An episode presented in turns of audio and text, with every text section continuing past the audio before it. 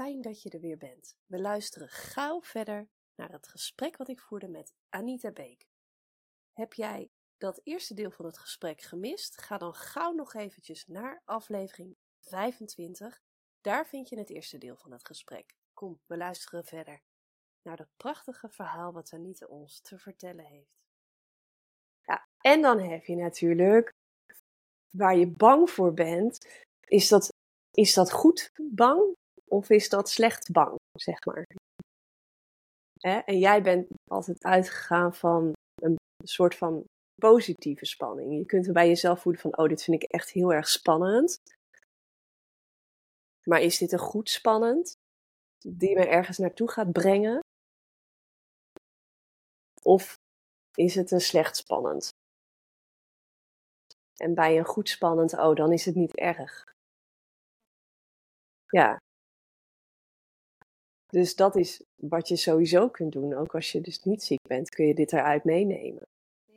En dan is het ook van, oké, welke stapjes heb ik te zetten in dat proces? En soms ga je dan niet van A naar B naar C naar D, maar ga je van A naar Z naar B. Ja. Hè? Om, om Om- ja. eh, kracht of fysieke Ja. eh, kunnen op te doen, zodat je de volgende stap kunt zetten. Dat is echt heel mooi. Ja, ja en dat verlangen zat er nog steeds onder. Ehm, Die gouden bol was er altijd.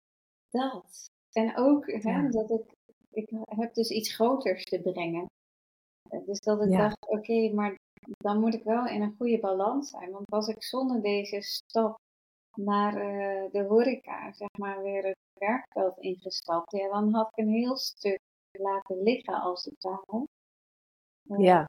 In mijn herstel, waardoor, kijk, het zegt natuurlijk niet alleen iets over dat ik niet met mijn handen kan werken, maar het zegt ook iets wat dus aandacht nodig had. En als ik dat had laten liggen, ja, dan had, was ik dat in mijn werk ergens tegengekomen als psychomotorisch therapeut. Je had er niet voor anderen kunnen zijn op de manier zoals zou moeten. Maar Nee, het is ook een stuk zelfzorg. Zeker.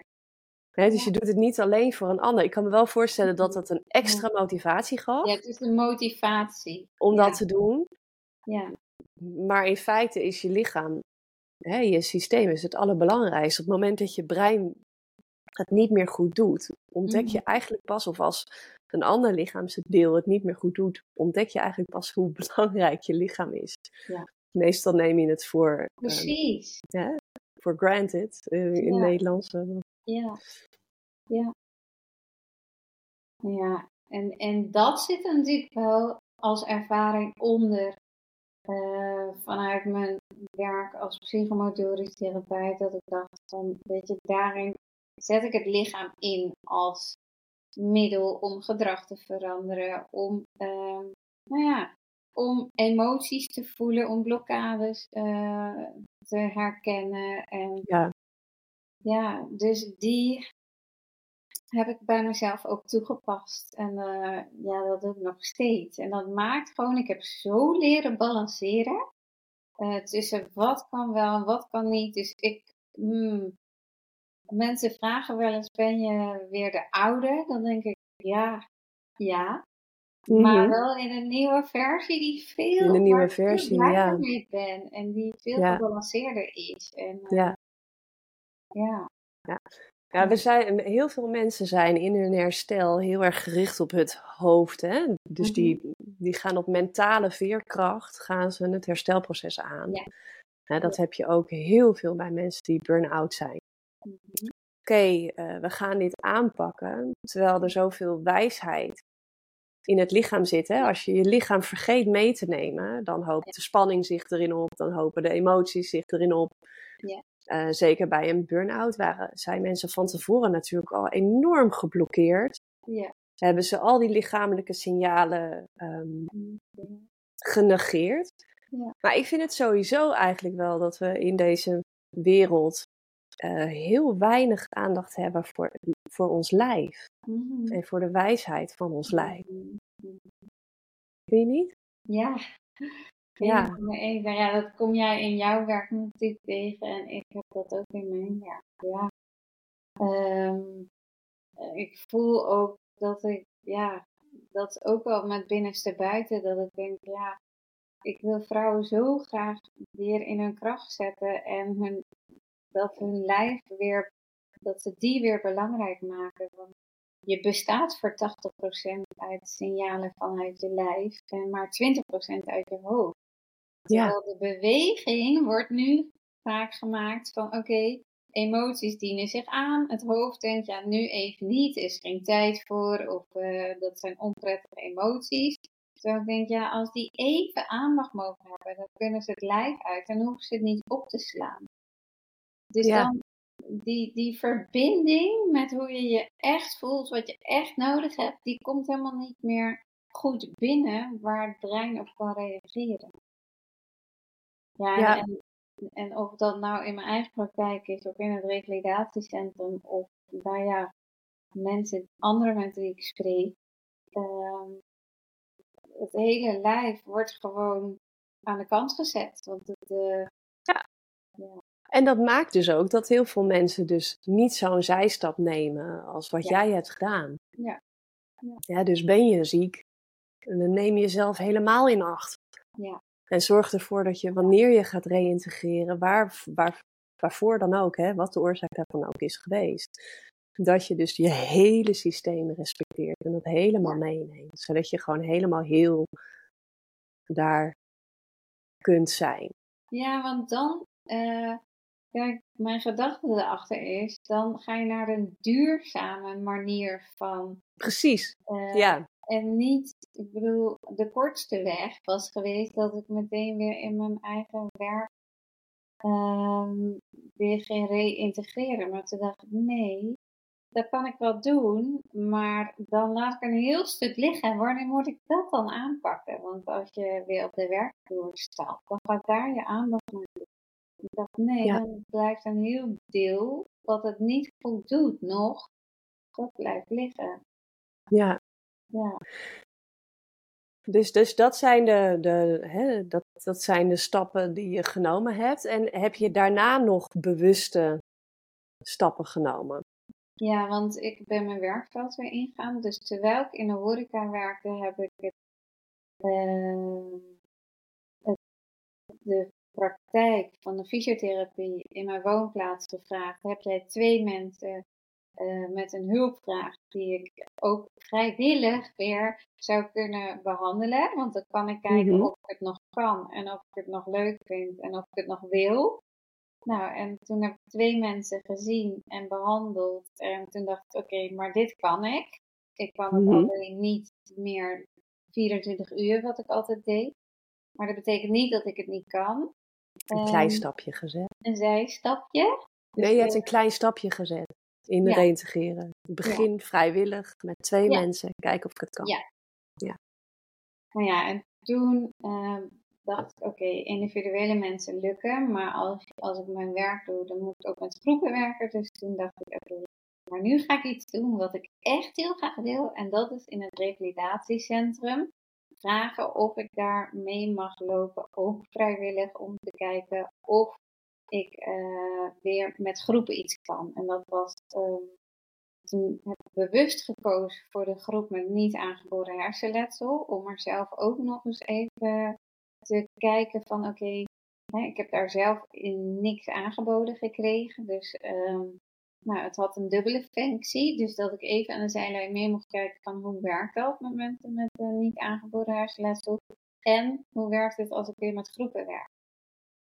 Nou, en dat vond ik zo leuk dat ik toen tegen die collega zei: Nou, als hier een uh, baan komt of een paar uren, zou je het mm laten weten. Nou, en twee weken later kreeg ik een berichtje. Uh, hey Anita, uh, we zoeken mensen oh. voor een paar uren. Oh. nou ja, en toen dacht ik. Twee weken later, wat geweldig. Ja. ja. Nou, en eerst heb ik dat voor één dag gedaan. Ja. Nou, en toen kwam ik weer zoveel onvermogen tegen. Maar ik dacht, ja, dit is alles weer gereset. Dus mijn agenda weer leeggemaakt.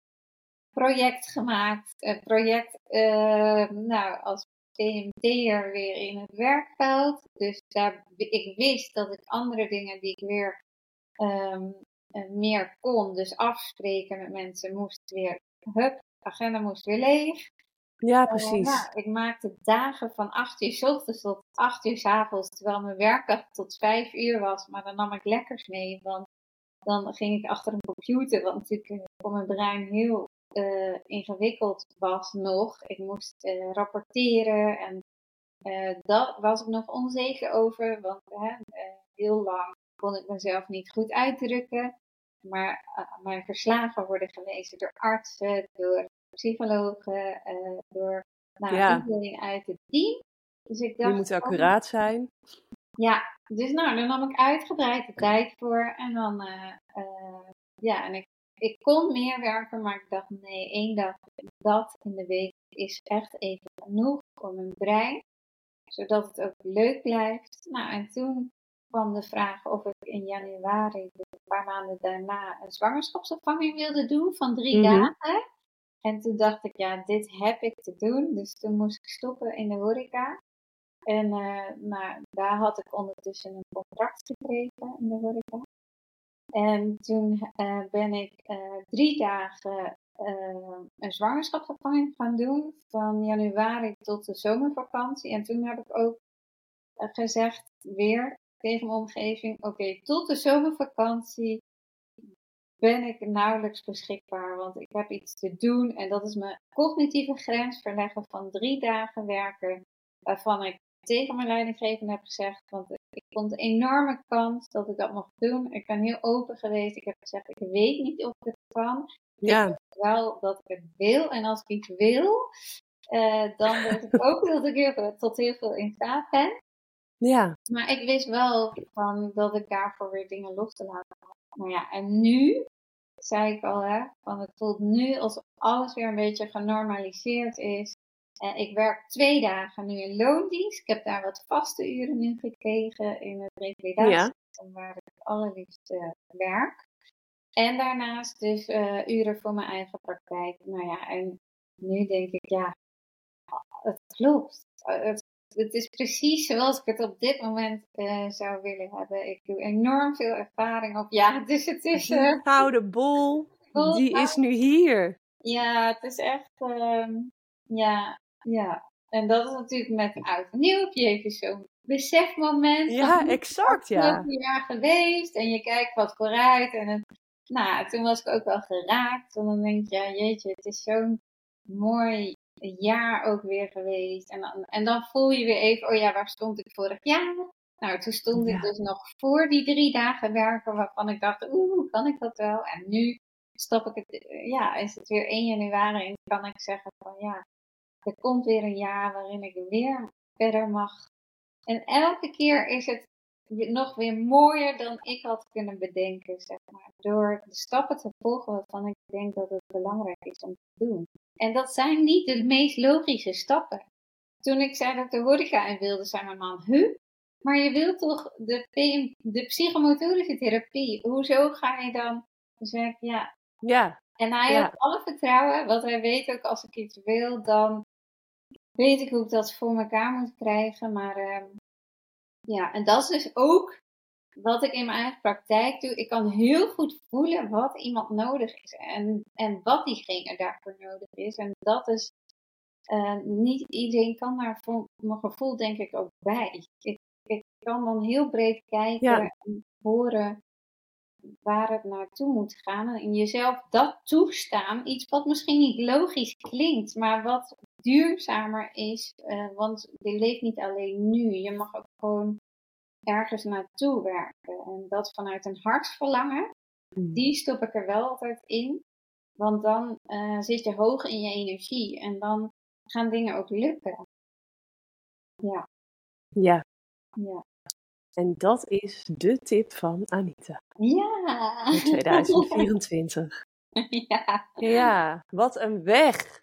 Ja. Hè? En wat een, wat een weg heb je afgelegd, eh, mede ook dit jaar, want het laatste stuk dit jaar. Ja. En ehm, ook zo duidelijke keuzes. Ja. En beslissingen die je genomen hebt. eh, Ja. Verschillende stappen, stapje voor stapje. Ja. Mhm. Consistent.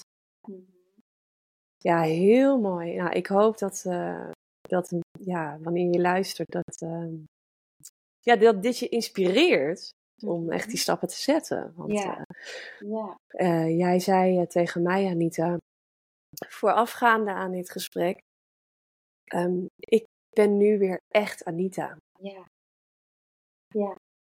Ik, nu, nu ben ik niet meer die, uh, dat hersenletsel. Ik ben niet meer het herstel. Hè. Ik ben nu weer echt Anita en ik heb een herkansing gekregen. Die voel ik heel sterk. En die heb ik gepakt. Ja. En now you're here. Yes. Ja. ja, dus of je nou aan het herstellen bent van iets, of je wil iets oppakken dit jaar, dit zijn zulke mooie tips en stappen die je zelf kunt zetten om, om dit jaar voor jezelf te realiseren. Mm. En de uitnodiging ligt er gewoon hier op nieuwjaarsdag. Ja. Voor jou. Weer een heel nieuw jaar, ja.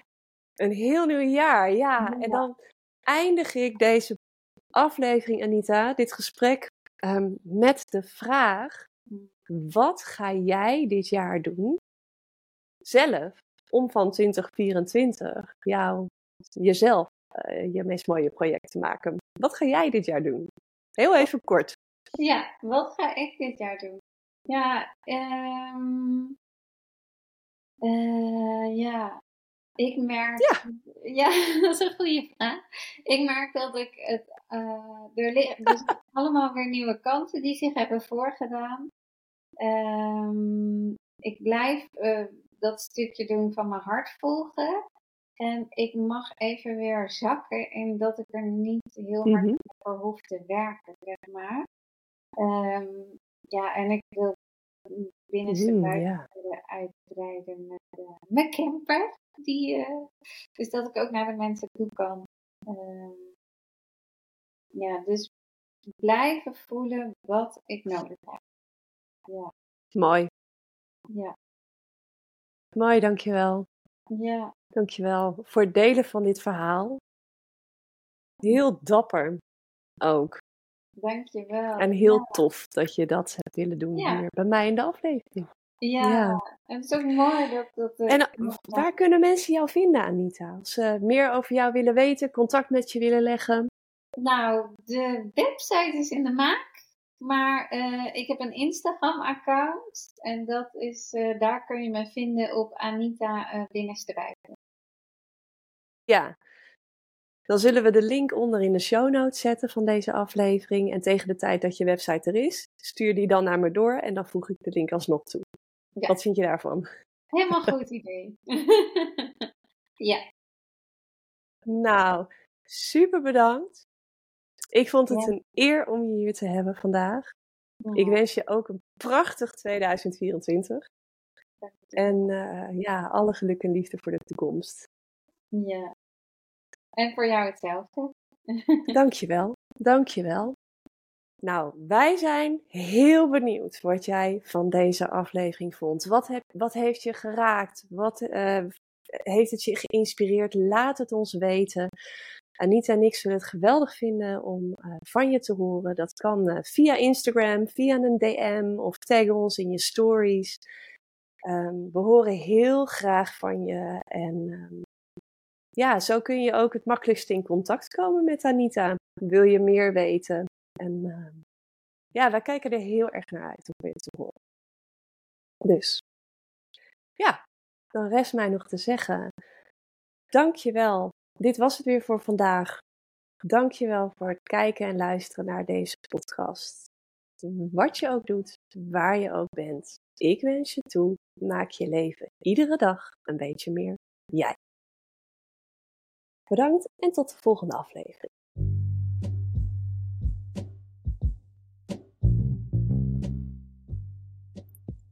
Super tof dat je hebt geluisterd naar deze podcast. Als je nu een mooi inzicht hebt gehad, of er is iets wat je wilt delen naar aanleiding van deze podcast, check me dan op Instagram. Ik heet daar Suzanne Lommers. En laat me in een berichtje weten wat je uit deze podcast hebt gehaald. Ik vind het altijd leuk om even te connecten. Zie ik je daar?